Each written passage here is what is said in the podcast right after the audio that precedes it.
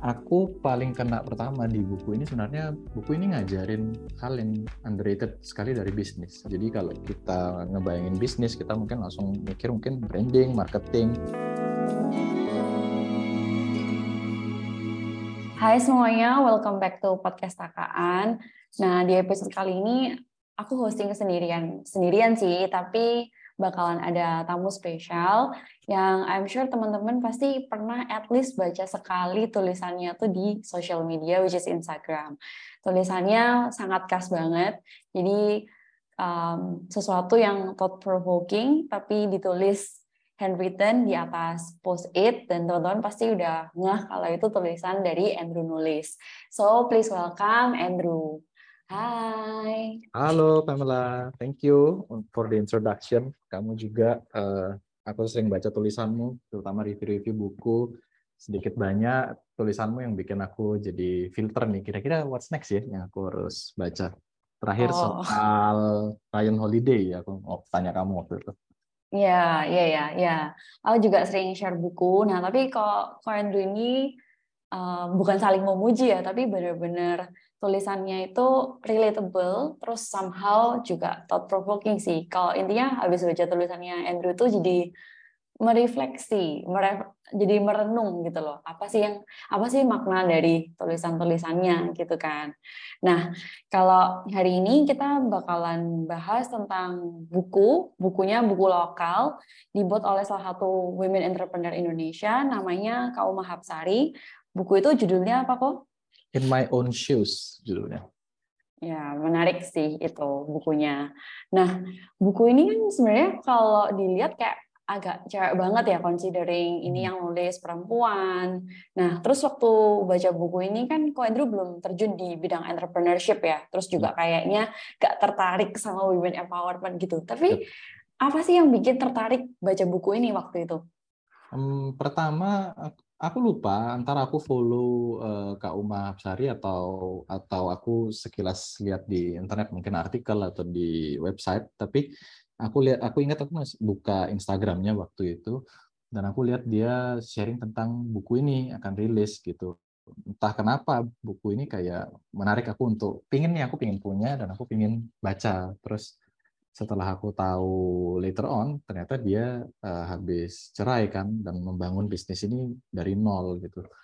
Jadi waktu aku baca itu tambah lebih ada kayak wah ini something yang hidden gem mungkin bagi aku. Kayak sesuatu yang goes unnoticed tapi kayaknya it's a must read. Dan aku jarang banget baca buku Indo ya karena kan kebanyakan buku impor yang di translate jadi mending beli yang impor. Terus ini adalah buku bahasa Indonesia yang aku suka banget. Dan kalau aku ditanyain misalkan harus rekomendasi mungkin ke teman-teman atau saudaraku sendiri sih adikku terus ada di iparku juga aku suruh mereka baca ini pertama gitu. Tentunya light nggak tebel-tebel amat bahasanya sangat sehari-hari tapi bisa dibilang ini full daging isinya. Oke, jadi bukunya full daging ya. Jadi hmm. meskipun tiba-tiba nemuin buku ini, tapi ternyata somehow buku ini tuh jawab pain points pain pointsnya Kak Andrew lah ya waktu saat ya. itu.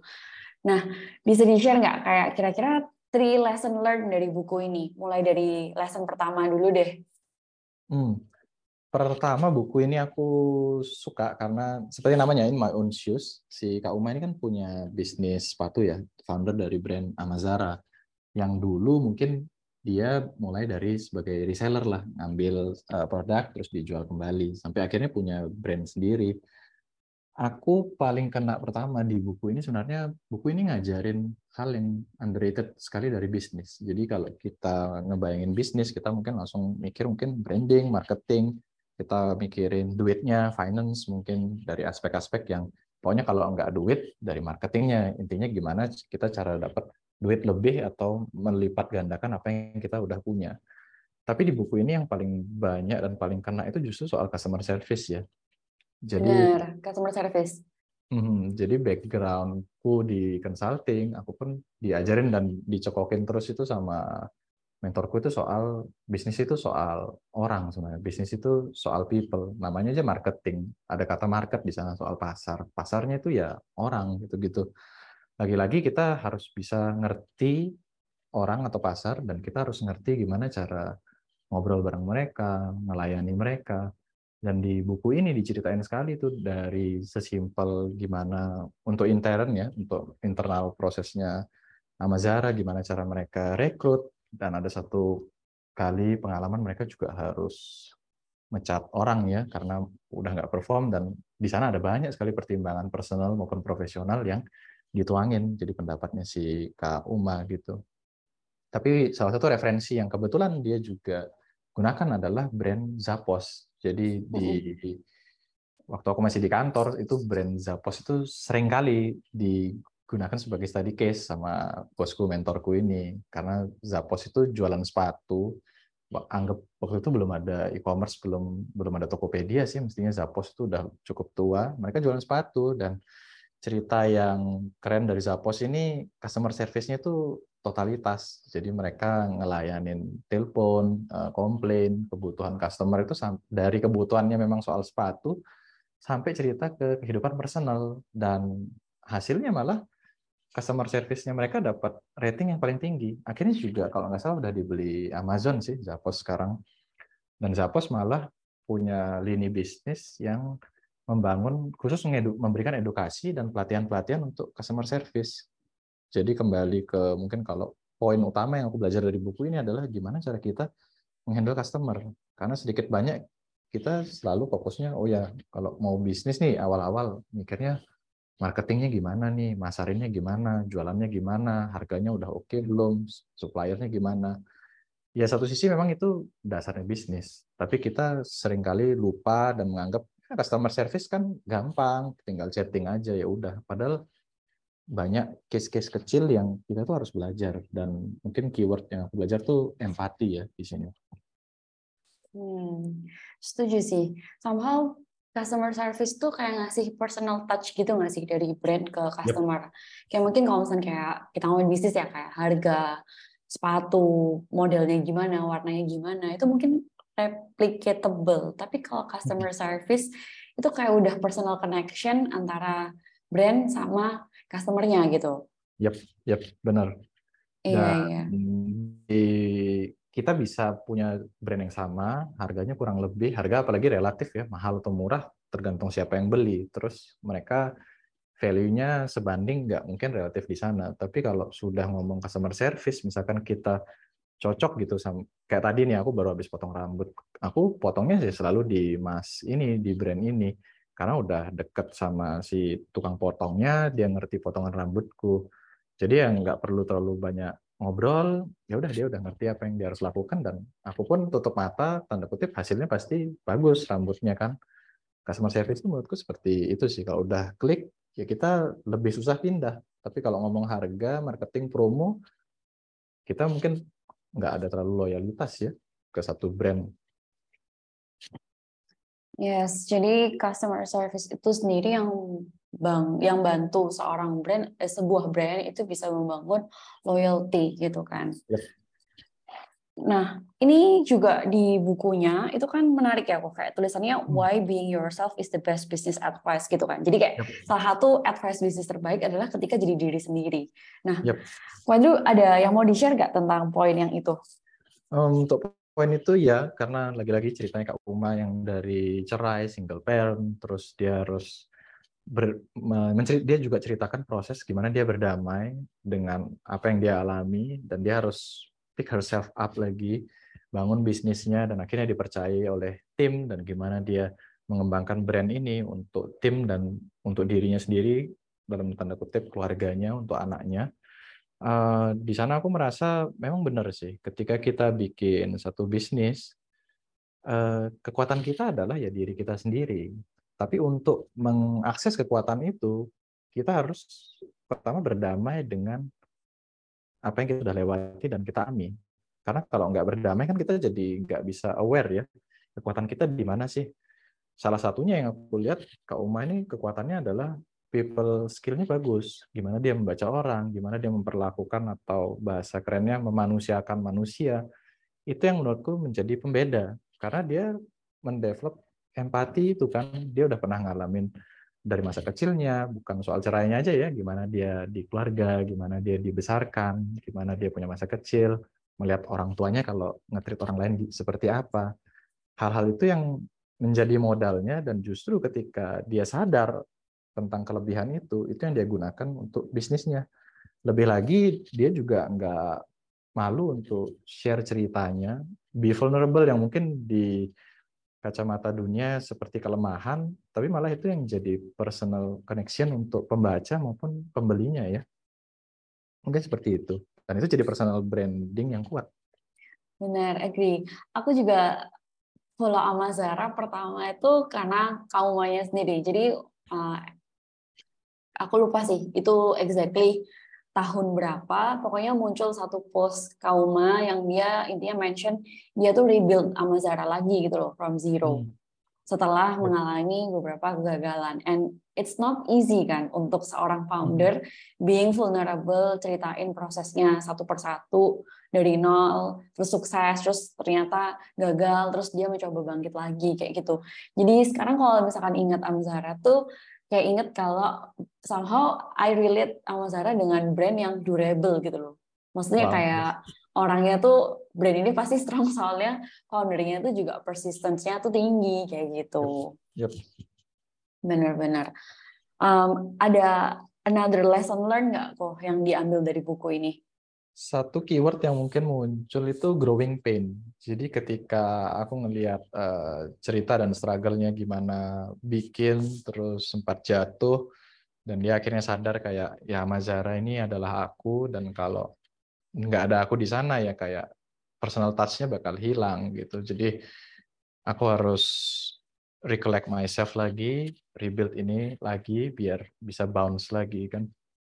Growing pain itu mungkin summary untuk proses yang dilewati oleh Kak Uma ya.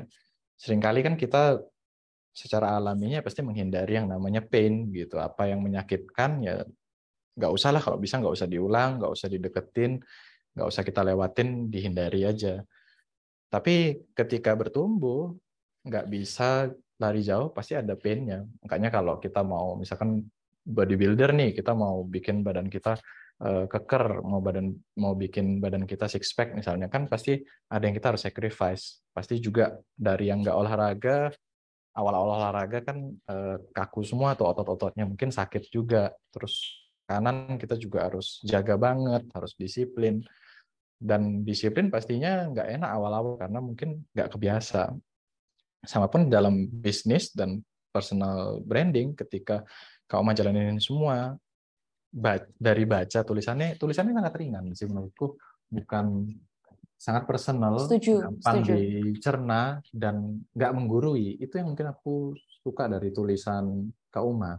Jadi ketika dia share sesuatu yang vulnerable apa adanya kita bisa kerasa kok oh eh, nggak semudah itu ya untuk mencapai titik eh, ke Kak Uma. Tapi it's worth it. Prosesnya nggak pernah bohong kok mimpi kan butuh pengorbanan dan pengorbanannya juga worth it, nggak bohong. Makanya aku bilang soal growing pain itu aku belajar untuk ya di luar sana kalau kita mau sukses ya growing pain-nya pasti ada dan kita harus embrace karena itu pasti juga akan investasi yang balik kok, bukan investasi yang hilang gitu. Benar.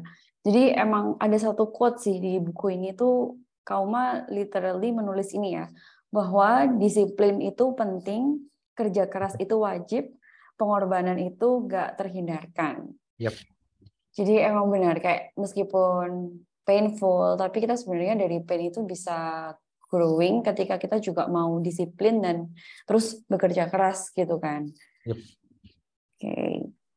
Nah, di buku ini tuh kan juga tulis ya kok ada satu hmm. kalimat di mana dia tuh bilang kalau um, you don't want to get tired competing for a spot that does not reflect who you are. Jadi bahas mm-hmm. tentang kayak kadang-kadang as a business owner tuh suka mengcompare mungkin ya progress yep. bisnis kita dengan bisnis orang lain gitu kan. Tapi hmm. balik lagi kan Kauma tuh jelasin lagi kayak masalah knowing your purpose gitu kan as a business yes. owner. What do you think tentang chapter itu kok? Hmm, aku agree, totally agree karena takaran dan parameter dalam bisnis itu sebenarnya bisa banyak. Cuman sering kali kita kira ya udah sekedar profit, untung, tambah besar, that's it gitu. Di orang sering nggak sadar kalau lagi-lagi takaran dan parameternya beda-beda dan kita nggak bisa compare atau ngotot harus apple to apple. Misalin kita punya bisnis, kita jalanin dan kita sebenarnya kepingin ekspansi untuk membuat lapangan kerjaan yang lebih besar, nambahin orang-orang nih biar mereka bisa lebih lebih punya pekerjaan dan kita bisa grow bareng tambah besar. Mungkin itu satu parameter. Ada yang satunya mungkin sesimpel ya udah ekspansi aja, pokoknya profit, orangnya kalau bisa ditekan sesedikit mungkin. Jadi cost-nya dikit, profitnya banyak, marginnya besar gitu.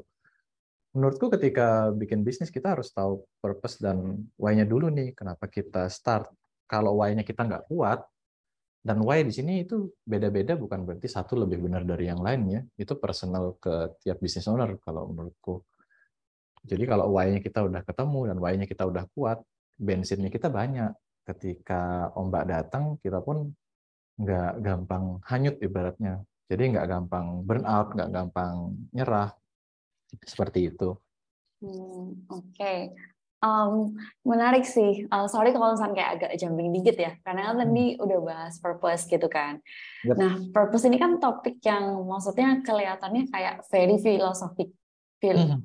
tapi benernya penting banget gitu kan. Nah, menurut kalian tuh gimana sih caranya ya as a business owner ataupun as creative person lah menemukan purpose itu kayak gimana sih caranya? Purpose itu ditemuin sambil jalan dan jangan terlalu diagung-agungkan karena mungkin uh, sering kan statementnya Simon Sinek find your why itu. Jadi akhirnya kita kepusingan sendiri terus nggak memulai karena seolah why-nya itu belum ketemu. Padahal harus imbang juga ya menurutku why itu ketemu bisa sambil jalan. Malah kalau aku uh, yang aku renungin daripada kita nemuin apa yang kita suka kenapa kita nggak nemuin apa yang kita nggak suka find what you hate gitu. Dalam arti ketika aku bangun bisnis, aku coba belajar waktu di consulting dulu kan aku ngeliat nih, kok kayaknya semuanya nih eh, nggak bisa idealis ya, karena semuanya terbatas modal, terbatas profit tuh. Jadi ya apakah bisnis itu memang sesimpel cuma numbers ya? Kalau besar ya baru kita bisa idealis dikit lah. Kalau masih kecil ya udahlah nggak usah terlalu mikir jauh-jauh. Pokoknya hidup dulu, bertahan dulu gitu. Tapi entah kenapa aku merasa nggak fully agree dengan itu dan kayak ada ngotot atau sedikit benci ya. Masa bisnis cuma number sih? Nggak bisa ada nemuin yang lain.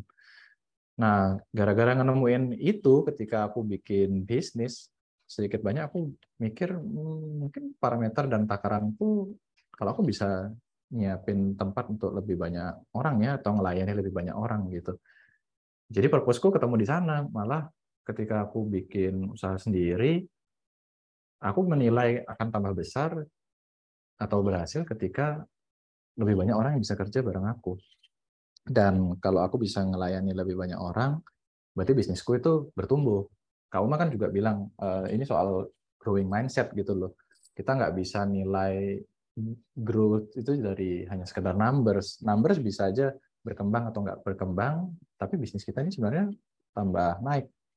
Numbers di sini maksudnya keuntungan ya, profit aja gitu bisa aja orangnya kita tambah banyak dan klien kita tambah banyak atau pembeli kita mungkin tambah banyak. Testimoninya mungkin tambah banyak mereka yang terbantu usaha-usaha kecil. Mungkin numbers itu yang kita harusnya lihat. Jadi kembali menjawab soal nemuin purpose kita nyari bolehlah kita punya dulu dan apa pun why yang kita punya sekarang kita make peace aja dulu dengan why yang kita punya sekarang. Nggak perlu harus why yang kayak besar sekali seperti nyelamatin gak perlu idealis dunia, ya gitu. Ya, nggak usah terlalu idealis kayak oh bisnisku harus nyelamatin lingkungan nih. Iya, itu bagus, tapi along the way itu bisa aja kita harus adjust lagi karena sambil jalan ada hmm. detail-detail lapangan yang kita harus adjust. Nah, di in my own shoes itu banyak sekali dipaparin. Jadi faktor-faktor lapangan yang nggak terduga, yang mungkin kita nggak bisa pelajarin secara textbook, terutama soal lokal wisdom ya kayak yeah. itu dia cerita soal Jogja itu kan kota pelajar gitu. Jadi anak-anak pertama tim customer service-nya kan anak-anak pelajar tuh. Nah sering kali kita lupa kekuatan dari daerahnya kita. Dan itu nggak ada di buku rata-rata. Kita baca buku bisnis menjelaskan bisnis secara gambar besar General.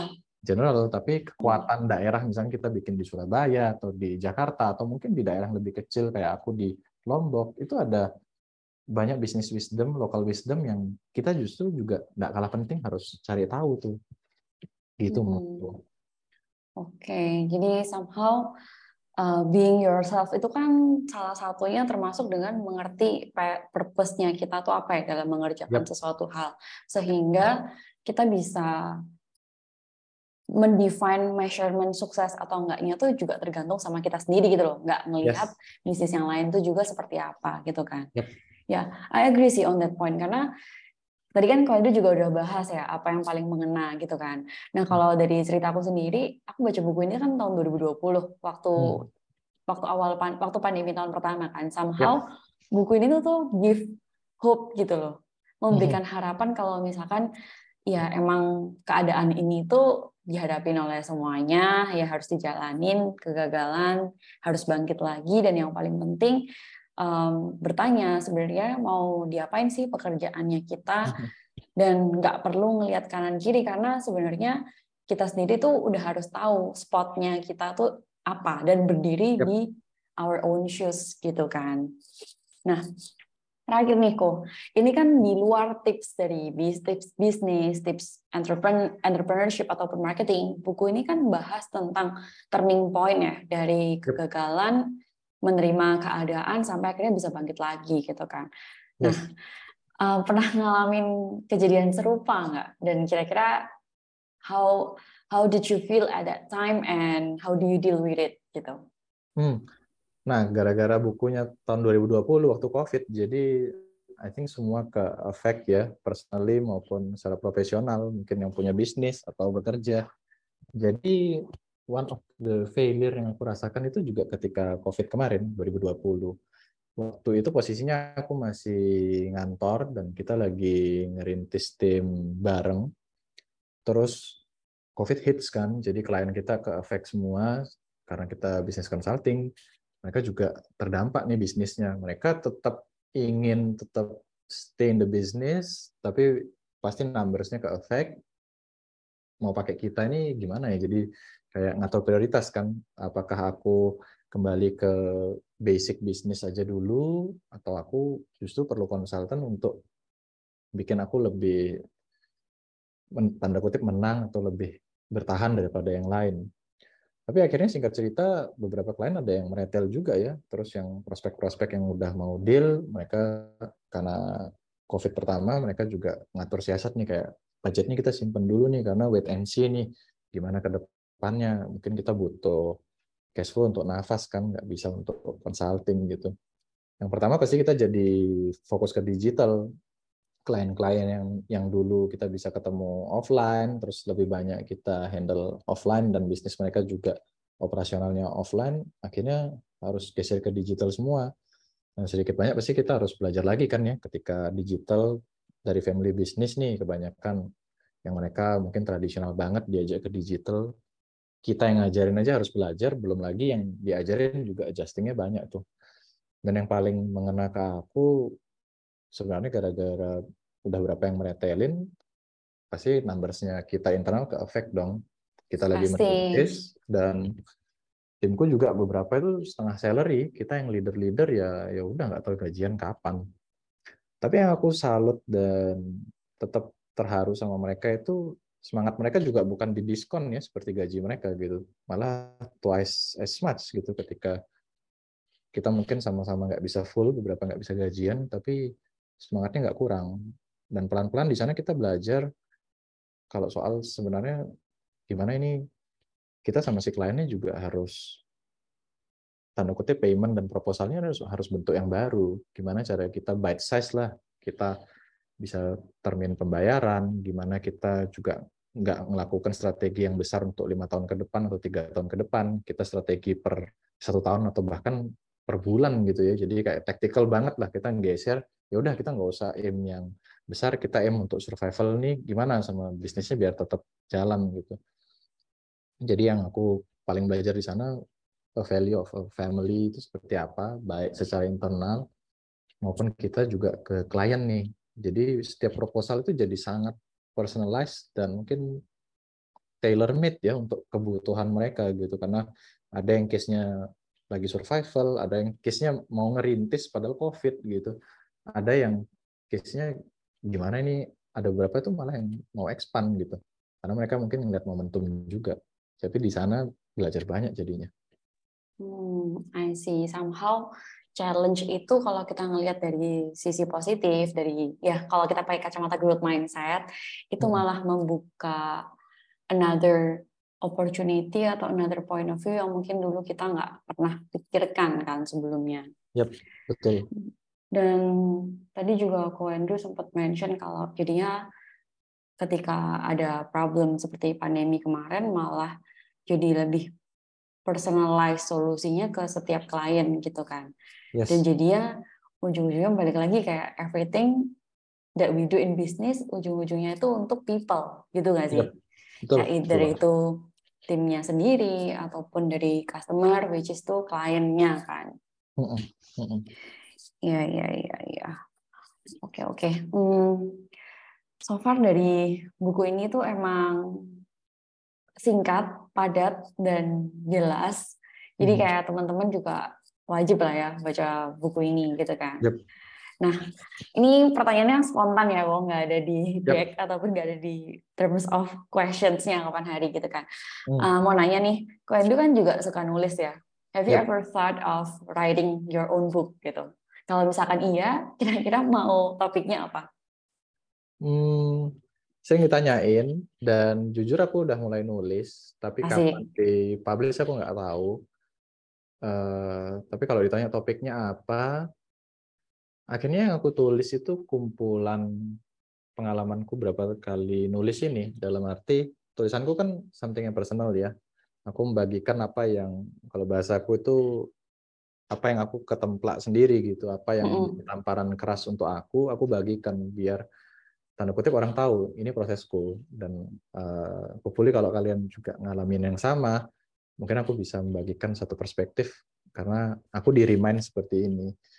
Jadi akhirnya ketika aku nulis uh, aku membagi aku looking back ke dua tahun terakhir apa yang aku pelajari dari selain bukan dari aku ya lebih ke orang lain yang sharing ke aku dan aku nulis karena baru punya baby juga. Jadi aku bikin kumpulan kayak kumpulan nasihat untuk anakku nanti ketika dia besar. Jadi dia bisa tahu atau kenal aku lewat tulisanku.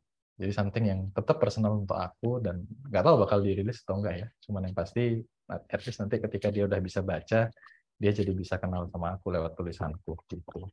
Oh wow. Jadi somehow kayak trace back your memory gitu ya dari kayak mungkin um, every stage of your journey mulai dari mungkin belum married terus married terus akhirnya sampai punya anak jadi nanti uh, anaknya poet kelak kalau udah gede bisa baca kayak journey-nya dari awal sampai ya nggak tahu sampai buku itu terakhir ditulis kapan gitu ya. Yap, yap, tetap kucicil lah. Oke, oke, oke. Ya, that's interesting. Kayak jadi ingat apa sih How I Met Your Mother itu loh. Itu kan Iya, iya, iya. Ya itu kan drum uh, ya TV show kan. Itu kan kayak yes. menceritakan kayak ya gimana caranya dia akhirnya sampai ketemu sama ibu dari anak-anaknya itu kan. Mm-hmm. Lucu sih dan banyak banget personal story ataupun yang bisa yang bisa dijadikan lesson learn gitu kan. Yes. Oke. Okay. So to close this podcast episode, uh, ada yang mau disampaikan nggak, Ko Andrew, ke teman-teman yang lagi baca podcast, yang lagi dengerin podcast ini? Hmm, satu mungkin kalian harus baca buku ini. Buku ini eh, nggak akan menyita banyak waktu kalian. Bahkan kalian nggak kerasa kalau udah selesai, tiba-tiba baca aja udah selesai. Dan buku ini sangat tidak menggurui menurutku, sangat personal, sangat real, sangat nyata. Apa yang dialami itu bisa aja kalian ngalamin, entah sekarang atau nanti. Hopefully bukan yang jelek-jelek yang akan kalian alami ya. Tapi ketika kalian bikin satu, pingin bikin satu bisnis, buku ini mengakselerasi kita untuk ada bayangan nih kira-kira kita akan menghadapi apa aja ya waktu kita nanti bikin bisnis. Aku rekomendasi untuk teman-teman yang masih SMA karena sekarang anak-anak udah pada canggih ya SMA aja udah bisa bikin bisnis. Aku SMA aja mungkin masih ketawa-ketawa gitu. Jadi dari SMA udah bisa baca, teman-teman yang fresh graduate atau lagi kuliah bisa baca. Ini pengantar kalian terjun ke dunia kerja.